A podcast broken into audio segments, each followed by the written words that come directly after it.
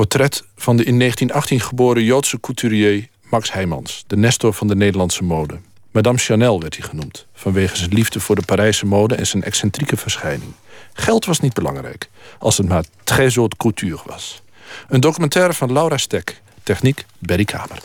Want een vrouw die chic heeft van zichzelf, geeft haute couture een extra chic. Maar als een vrouw de chic mist, of de, het interieur mist, of werkelijk alles mist om het te dragen, heeft het niet veel doel dat ze het heeft. L'heure de la collection. Le ton violet. Actualité. Un ensemble en tissu de chez Lesure. Dood en dood chic was het bij Max. Het idee wat wij hebben van een couturier, daar was hij de belichaming van. En daardoor heeft hij zoveel invloed gehad. Hij is echt een van de eerste travestieten die dus echt ook op straat liep uh, verkleed als vrouw.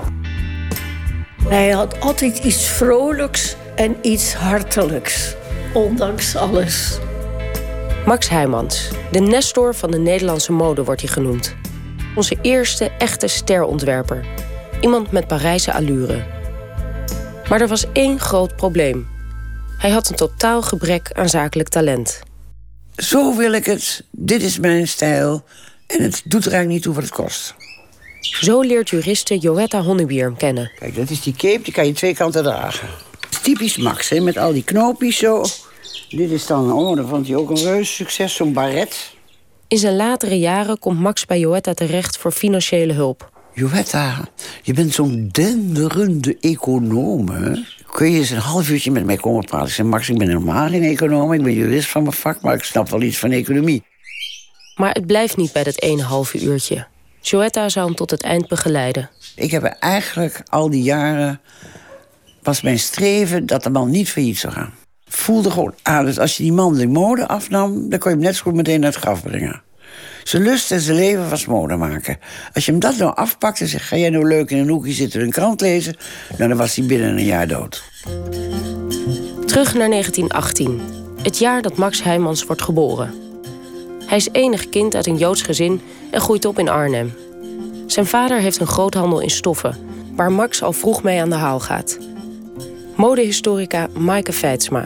Wat opvallend is bij Max is dat hij ook uh, etalages maakt op zolder.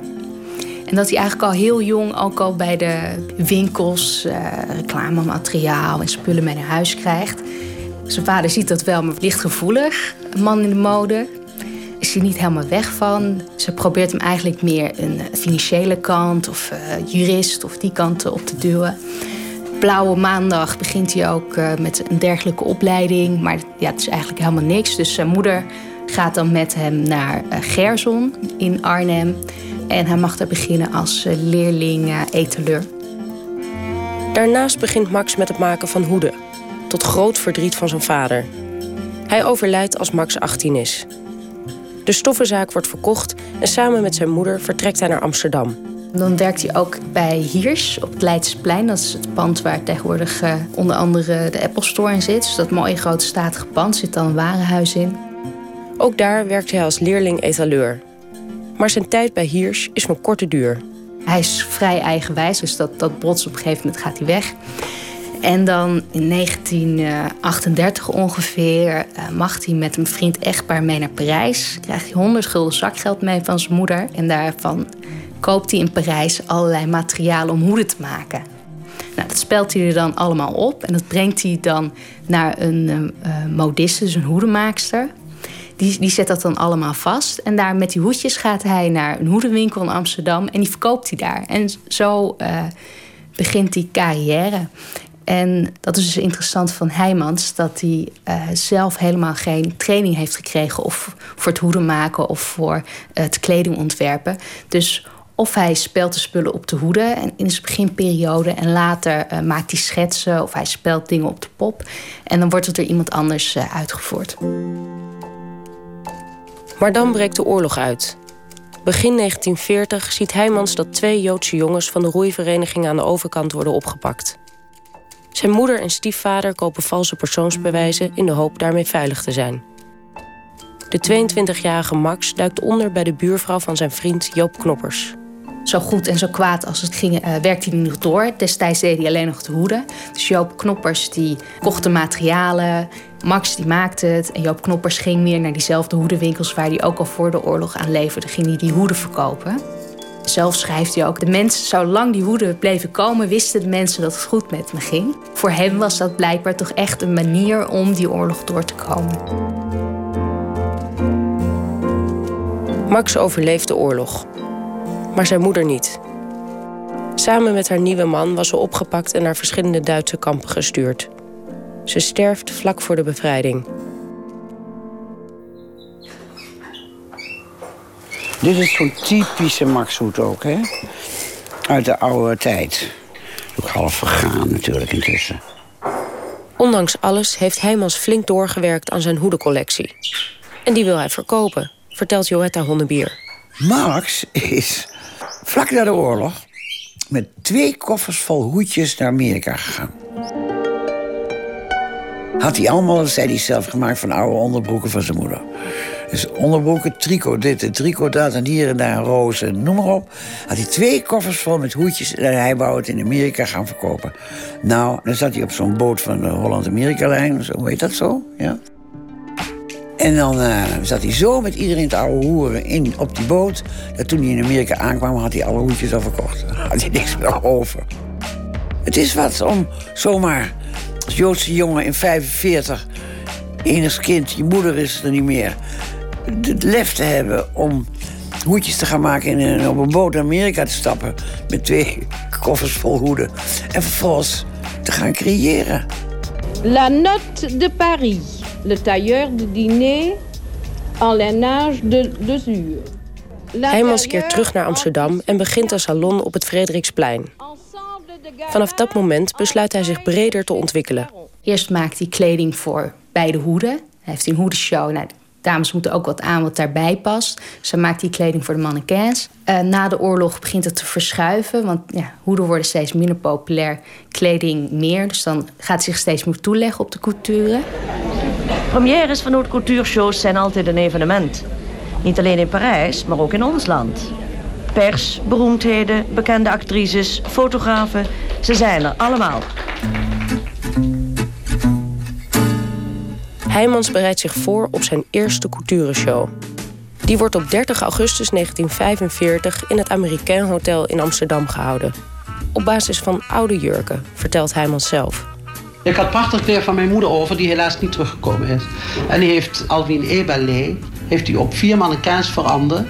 Nou ja, voor zover die heeft ze vermaakt. Die heeft er dus hele goede mannequinkleren van gemaakt. Maar dat waren dus fonds, wat de Fransen zouden zeggen, fonds pour la collection. Hè? Basic dresses voor de collectie. Het is wel een blijk van hoe belangrijk dat voor hem als persoon was. Dat hij gelijk weer uh, na de oorlog met hè, wat hij ook kan, uh, kan, kan vinden, dat hij gelijk weer verder gaat. In de periode voor en vlak na de oorlog is er nog geen sprake van de typische Nederlandse mode. Ook bij Heijmans niet. Er is maar één modecentrum. Iedereen was er van het idee doordrongen dat mode, dat werd geboren in Parijs. Daar was helemaal geen discussie over mogelijk. En als het niet op Parijs leek, was het ook geen mode. En juist als jij Parijs zo dicht mogelijk wist te benaderen, dat het zoveel mogelijk op de Parijse show leek, dan had je het helemaal gemaakt in Nederland. Tweemaal per jaar geeft Parijs de toon aan en Nederland volgt die nieuwe modelijnen op de voet. Dat doen de couturiers zoals Max Heijmans, bij wie we nu te gast zijn. En dat doen de confectiefabrikanten. Ensemble pour la ville. En tissu composé de l'usure. Hij was dol op Chanel. Ik hoorde hem nooit zozeer praten over Yves Saint Laurent. Terwijl dat toen toch een van de groten was. Hij was maar dol op Coco Chanel. Dus je ziet bij Max heel veel Chanel-achtige pakjes. Weet je wel, met zo'n marabout-randje erlangs. En dan vooral daarna heel veel kettingen. Dat was het eigenlijk. Heel erg op Frankrijk geënt. Haute couturiers laten zich inspireren door Dior, Balenciaga, Cardin, Dessay, Chanel of welke Parijse modekoning dan ook. De confectiefabrikanten laten de Parijse modelijnen door hun ontwerpers of ontwerpsters vertalen. Zo uitvoeren dat de verwezenlijking ervan aangepast wordt aan de smaak en het type van de Nederlandse vrouw. Hij ging ook altijd ieder jaar naar Parijs. Dan had hij een klein hotelletje. En zat hij heel graag bij Café la Paix op de terras. Waarom? Gewoon uh, mode op te slurpen. En dan ging hij ook... Uh, daar is zo'n zo straat met allemaal prachtige stoffenwinkels. Juist omdat hij ook heel weinig geld had. Dan kocht hij bij die winkel uh, vier meter, bij die winkel acht meter. Terwijl bij de andere heb ik wel gezien. Dan komt een vent met een koffer en dan kan je uitkiezen. En dan kies je zoveel beter van dit. Nou, bij Max heb ik nooit iemand met een koffer gezien. We zijn verschillende keren samen in Parijs geweest. John Kooijmans assisteerde Heijmans jarenlang bij zijn shows. Ja, en als je daar bij die hele dure stoffenzaken komt, zoals Starro, Bianchini, Lezuur... ja, dan klapperde je wel met je ogen als je daar die stoffen zag. Ik heb toch van hem geleerd kijken en nog eens een keer kijken, nog eens een keer kijken goede etalages kijken, bij goede antiquaires kijken, bij een goede modezaken kijken. Wij moesten naar het museum. We gingen vroeger met z'n tweeën naar het Rijksmuseum toe. Ik ging zeker uh, 15 keer naar het theatertoetswinters. Dat heb ik jarenlang gedaan op zijn uh, commando. Kooimans, die zelf in de dure confectie werkt, ontmoet Max Heijmans in 1961. Op een avond in de Viakker in Amsterdam. En de Viagra was in die tijd een nichtenkit die erg aan valk was in de modewereld, waar dus alle bekende nichten kwamen. En ik uh, ben daar naar binnen gegaan, want ik was net 17 dagen in Amsterdam. En daar zat een meneer met een donkere bril op, een plastic jas aan. En met een hondje. En die begon tegen mij Engels te praten. Zeg ik, nou, zeg, spreek maar Nederlands. Want ik heb de hele tijd Nederlands horen praten.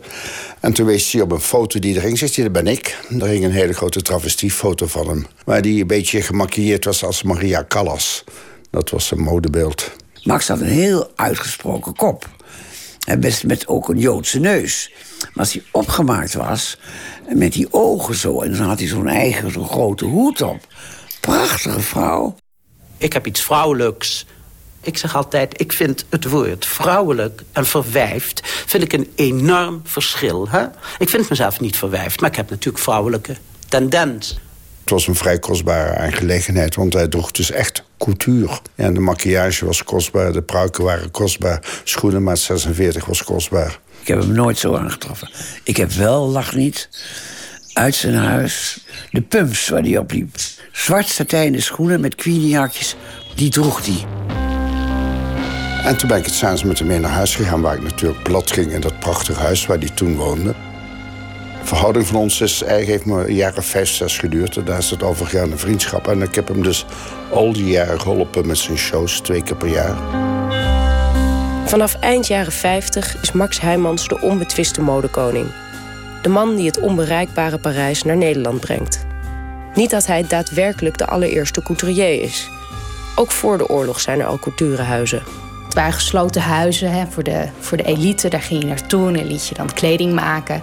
Maar wat hem nou tot die Nestor maakt... is dat hij heel doelbewust de positie van de sterontwerper inneemt.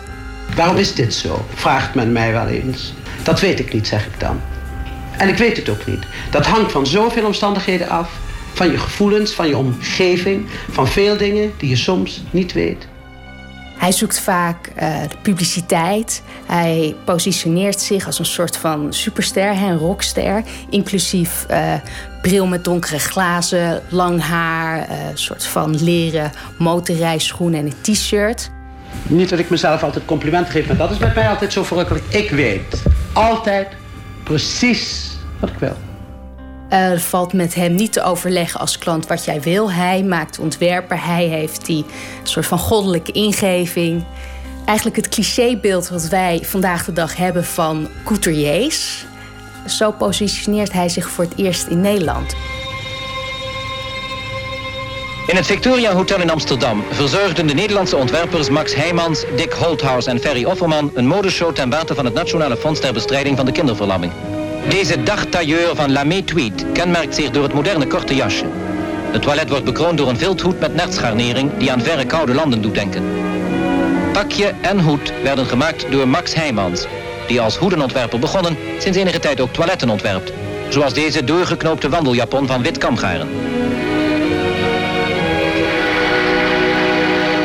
Toen ik hem leerde kennen, toen uh, dan belde hij s ochtends een taxi op en dan reed hij naar Hirsch. Want het was te lui om met de tram te gaan van het Frederiksplein daar naartoe. Begin jaren 60 maakt Heijmans zijn rentree bij modehuis Hirsch. Uiteraard niet meer als leerling-etaleur, maar als de grote Max Heijmans. Op voorwaarden, hij heeft complete creatieve vrijheid. Uh, maar de financiën worden door Hirsch geregeld en hij zit daar in huis. Dat gaat ook enorm goed dan, die vroege jaren 60. Hij heeft een groot, ook een groot hoedenatelier erbij. Mevrouw Wessels, er zou één rijgje even tegenaan kunnen. Zou niet gek zijn. Alleen maar even. Twee grote rijgsteken. Maar opnieuw verloopt de samenwerking met de eigenaren, de heren Kaan, niet altijd even vlekkeloos. Want er liet zich toch niet de wet voorschrijven. Er werd daar gezegd, je mocht stoffen kopen tot zoveel honderden gulden per meter. Nou, dan kocht je weer die je dubbele was. Ja, en dan krijg je toch ruzie met de directie. De eigenaren van Heers die zijn nog echt van de oude stempel. Die beginnen keurig om 9 uur. Nou, ligt Max meestal nog in zijn bed. Met als resultaat dat er om half tien een klant staat. En Max nog steeds thuis in zijn bed ligt. En dat, ja, dat past eigenlijk gewoon niet in, die, uh, in het bedrijf Heers. En ook dat hij bijvoorbeeld op een gegeven ogenblik... Ja, we hebben geen bruid. Nou, dan kwam er toch een bruid. En dan liep er weer voor een paar duizend schulden. Ik kan me voorstellen dat ze gek van werden. Ja. Dat heeft hem ook zijn nek gekost. Terwijl buiten het kille wit van de winter ons doet huiveren... is in de behagelijke warmte van het Amsterdamse Carlton Hotel... de lente in haar fraaiste gewaden binnengetreden. Max Heijmans gaat gewoon door. Vanaf 1962 op eigen voet. Max Heijmans, die onder andere een fleurige deux pièces creëerde... uit bedrukte, als satijn glanzende katoen.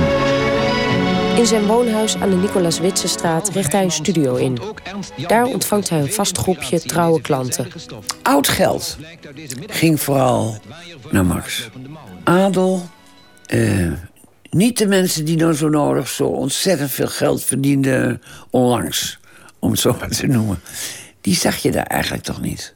Het was echt de, de soort interne chic. Max Heijmans ontwerpt voor een chique dame uit society. En ja, in de 50, jaren 50 en 60 ontwerpt iedereen voor dat type vrouw. Die wilde niet anders dan klassiek gekleed gaan. Zoals die mevrouw Dijtmers. Nou, die heeft een kast vol hangen met uh, Max Heijmans. Kijk, die kan je in verschillende standen zetten. Net hoe je bui is. Een, een grote zwarte baret is het. Ja, ja. Wat de kwaliteit, hoe mooi dat is. Ik wist niet eens meer van het bestaan van deze. Ja, maar mooi met een plooirokje. Stans Dijtmers is een van die vaste klanten van Max. Ik heb altijd van Max gehouden. En ik was gewoon een beetje verliefd op hem. Ze komt regelmatig naar zijn salon in Amsterdam. Ik had daar koffie gezet, weet je wel. Want wat dat betreft had hij twee paar linkerhanden. Toen had hij ondertussen wel het een en ander klaargehangen. En dan keek naar mijn reactie. En als bijvoorbeeld als een vrouw komt voor een, voor een nutria of een bevermutsje te passen... en ze zegt, mag ik dat eens passen? Dat vond ik zo beeldig. Dan loop ik bijvoorbeeld naar de standaard toe, waar het op staat in de salons. En dan, terwijl ik daar naartoe loop, zeg ik... lieve mevrouw, ik pas het u op, maar ik zeg u nu al dat het u niet staat. Want het is uw stijl niet, het hoort niet bij u. Hij kwam dan aan met uh, een stofje en dan zei hij... Ja, dat is het. Altijd, ja, dat is het. ik denk dat hij met zijn ogen de maat opnam. Een centimeter heb ik dan nooit gezien. dat was zijn kracht. Hij zei gewoon, ik heb wat voor je. Weet je wel? Dat is nou just the hat for you. Dat voel ik het al zonder dat ze het al op de kop heeft. Aan creativiteit en inspiratie is geen gebrek. Maar sinds Max voor zichzelf begonnen is, moet hij ook de zakelijke kant zelf afwikkelen. Kijk, hier staat dan nog net Max Heijmans, couture. Kijk, rekening. Er staan nog wat getalletjes onder elkaar gekrabbeld. Ja, En de, dat was dan de rekening. De rekening, ja. Het is toch niet te geloven, ja. Of het ooit geïnd werd, dat is mij een raadsel. Hij had belangrijke klanten. En dan had hij de gewoonte om van tevoren al die klanten te vragen om een bedrag te storten. Zodat hij weer stoffen kon kopen en coupeurs kon inhuren enzovoort. En als eerste roep ik als symbool de herfst. Heijmans houdt stevast twee keer per jaar een culturenshow. En daarvoor heeft hij modellen nodig. Ja, ik had al in feite een ja, meer klassiek gezicht. En ook het lopen natuurlijk. Eh, niet alle modellen kunnen lopen. Patricia Mulder komt op 18-jarige leeftijd voor Max te werken. Ze loopt talloze shows, die altijd precies moeten verlopen zoals Max dat wil. De make-up, die moest zwaar zijn met valse wimpers. Dik aangezette wenkbrauwen. En dan werd ik altijd teruggeroepen van... Uh, je hebt niet genoeg make-up op. Het is zo kaal. Gouden kastanjes. Kosten nog moeite worden gespaard. Max pakt vol uit met zijn shows. Combinatie van goudkleurige lurex op zachtbruin filten rok... waarop dan applicaties. En zo'n modeshow, daar stond hij op. Gouden stoeltjes werden ingehuurd. De palmen werden er neergezet. Er was altijd een lady speaker. En er was altijd een glaasje witte wijn. Nou, dat moet ik eerlijk zeggen, zo dol als ik ben op de gouden stoeltjes... dat de gouden stoeltjes in Parijs heb ik altijd net iets knallen gevonden als hier. Hoe dat komt, weet ik niet. Het ging alleen af en toe een beetje traag, omdat Max de graven had... om iets te lang naar die hoeden te fronniken. Als iemand een hoed opzet, zet hij een hoed op. Nee, want dan ging hij die hoed vijf keer verzetten. En het maakte hem ook niet uit, dus dat een show moest lopen. Hè, dus dat de volgende naar beneden moest. Dat maakte hem niet uit, dus we konden een half uur wachten... als hij vond dus dat het niet goed zat, dan mocht je niet naar beneden. Hij stagneerde eigenlijk zijn eigen shows. Doordat je overal zat te fronniken. En dan moest er nog een oorbel bij, een oorbel af... en een ketting erbij en een ketting af. En kost allemaal tijd. Die collecties van mij, dat klinkt misschien een beetje opschepper... die zijn dus een evenement geworden langzamerhand. Dus het moet ook een boeiend geheel zijn om naar te kijken. En het moet zichzelf opbouwen, begrijp je? Aan couture wordt weinig tot niets verdiend. Zelfs als de japonnen een paar duizend gulden kosten... halen de ontwerpers de stoffen en de werkuren er niet uit. Maar Heijmans trekt zich er weinig van aan. Ik zeg niet dat het een vlierenfluiter was... maar hij dacht, er komt altijd wel weer een oplossing. Het was af en toe een catastrofe. Hij blijft investeren in stoffen en materialen. Zijn gebrek aan financieel talent krijgt steeds ernstiger consequenties. Of de telefoon zou worden afgesneden... of de markiezen zou van de voorgever worden gehaald... of kwam weer een deurwaarder. Dan kwam je doorpas en belde je aan en hing er zo'n uh, zo'n groot dwangbevel van openbare verkoop. En dan kwam je binnen en dan zei ik: Max, er zit een uh, biljet op je voordeur. Oh, dat is niet chic. Haal die er vlug af, haal die eraf. Hij stond op het rand om failliet verklaard te worden. Toen uh, belt u op en zegt... ja, zit, ik ben vanochtend al om negen uur opgestaan. Ik ben achter mijn bureau gaan zitten. Ik heb een aantal mensen gebeld... en dat je 100.000 gulden op de bank staan. En toen kon hij middags naar de rechtbank toe en gaan verklaren dat hij geld had. En toen zegt hij ook nog tegen die uh, kartonnen rechter... oh, staat die toga u beelder. Half jaar later zat die man met zijn vrouw op de show bij Max. Ja, dat was dan weer lachen. Rekeningen werden nooit geopend natuurlijk. Of hij tekende daar weer een nieuw ontwerp op, op de envelop. Wat ik wel schandalig van hem vond, dan had hij dus thuiswerksters. En dan kwam, had hij tegen die vrouw gezegd... Ja, als je het model aflevert, dan krijg je ook hier honderden gulden smaakloon. En dan was er geen geld. Heijmans kan zijn mensen structureel niet uitbetalen. Hier sta ik, hier heel rek kleren. Ik was de hele nacht bezig hoor. Zelfs mevrouw Veenendaal niet, die 25 jaar lang trouw voor hem werkt. Ik heb zo lang bij hem gewerkt. Ik heb uh, nooit op tijd mijn geld gehad, nooit. Af en toe uh, ik het wel erg. Dan zeg ik, ik kom niet meer, ik blijf daar. Oh, mevrouw Veenendaal, je laat me toch niet in de steek, je laat me toch niet in de steek. Nou, en dan liet ik me weer overhalen, weet je wel. Ach ja, dan denk ik op eigen, hij is ook maar alleen. Hij heeft niemand, hè. Geen uh, ouders meer en niks. Hij kon ontzettend charmant, ontzettend aardig zijn. Had een ontzettend goede babbel en hij kon met iedereen omgaan. Dat, uh, dat was wel een hele bijzondere gave van hem. En hij kon mensen om zijn vingers winden. Die gave had hij. En altijd me vervelend dat ik kom bij jou in huis. Hè. Als ik het huis uitgezet word, hè. ik kom bij jou in huis. En dan zei ik maar niks, weet je wel. Oh man, hij was niet zo helder op zichzelf. Ik dacht, oh man, dat er dit gebeurt. nou, ik zou hem niet laten staan, hoor. Dat, uh, nee, daar was ik, uh, nee, daar was hij te goed voor. Doek weg voor vrouw 72. De titel waaronder in Amsterdam een aantal couturiers, modehuizen en juweliers... hun ideeën presenteerden voor lente en zomer van dit jaar.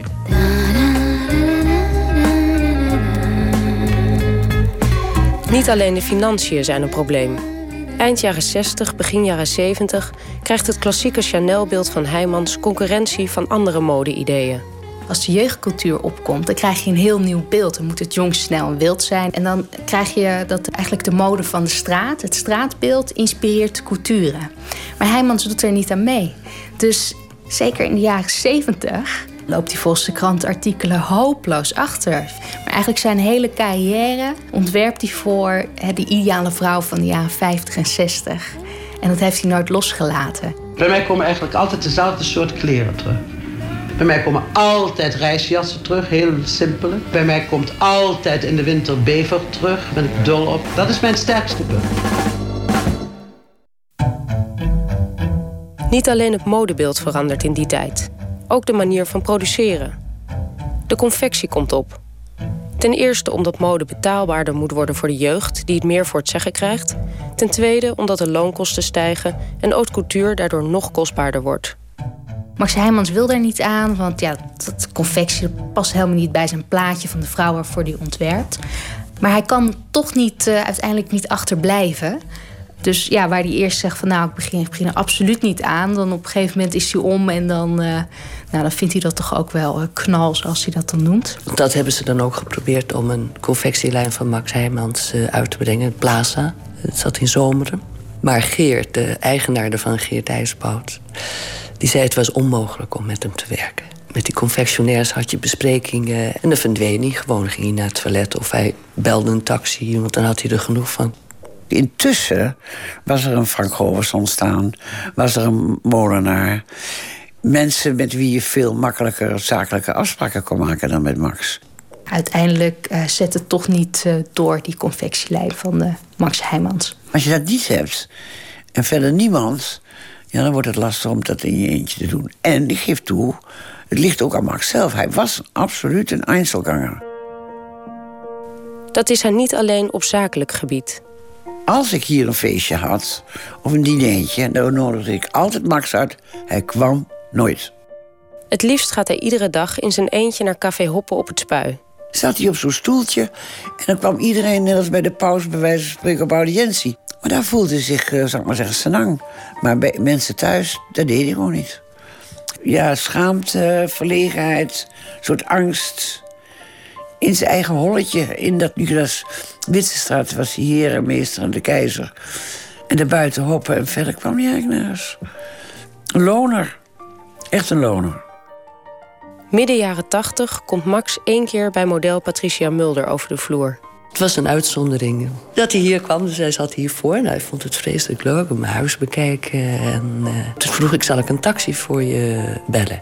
Nee, nee, nee, hij zegt, het is niet zo ver. Hij ging lopen en toen is hij ook aangereden. Hier op de Rechtluusgracht en heeft zijn been gebroken. Het ziekenhuis gekomen, vond het zo zielig. Gaat hij eindelijk eens een keer zonder een taxi naar een model toe om uh, hij zijn been? Nee, dat heeft nog lang geduurd. En toen, daarna is het wel bergafwaarts met hem gegaan. Dus de laatste jaren was eigenlijk wel eenzaam. Hij ging wel erg hard achteruit. Maar Max Heijmans gaat door. Kijk, dit. Maar dit kan helemaal niet. Kunt u hem niet een grote rijgdaad geven? Nee. Hij blijft ontwerpen en tekenen. Je bent een... Ook als hij Parkinson krijgt.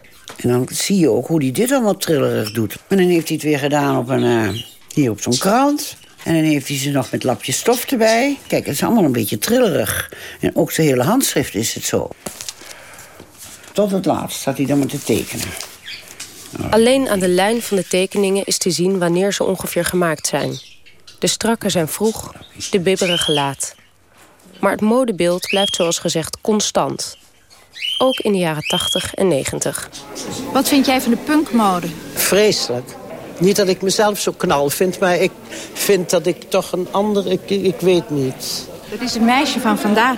Nou, gelukkig niet allemaal. Er lopen ook nog tienduizenden viers met beeldige, zoals jij, met beeldige garçonnenhoofden af... met hele lange haren en vlechten.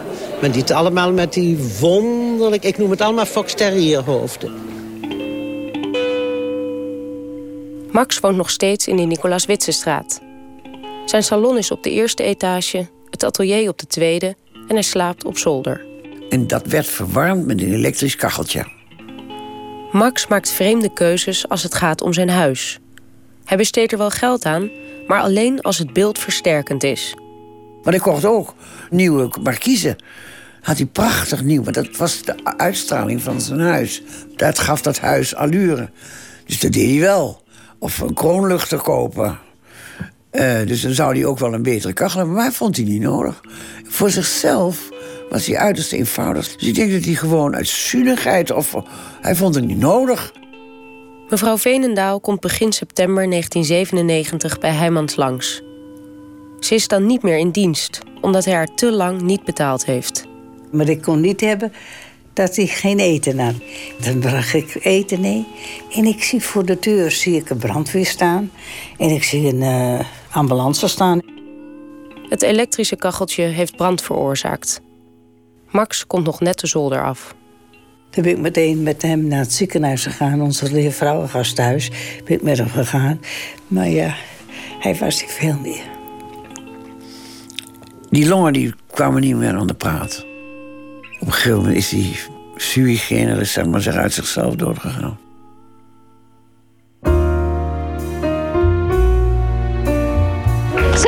Ensemble pour commencer l'automne dans un tweet néerlandais, le tweet Spandon. Gelukkig is er een aantal vrouwen in de hele wereld, niet alleen bij ons... die het belangrijk vinden om ze te dragen. Maar ze moeten wel een zekere chic hebben natuurlijk. Want anders staat het niet. Dat heeft Chanel altijd gezegd. L'ensemble très parisien, le tailleur au pantalon. Ensemble de théâtre en rouge vif, en faille et lamé de chez Staron Paris. Collectionneur, c'est un chapeau U luisterde naar een portret van couturier Max Heijmans van Laura Stek. Eindmix Berry Kamer. Met dank aan Joetta Honnebier, Maaike Feitsma en John Knap.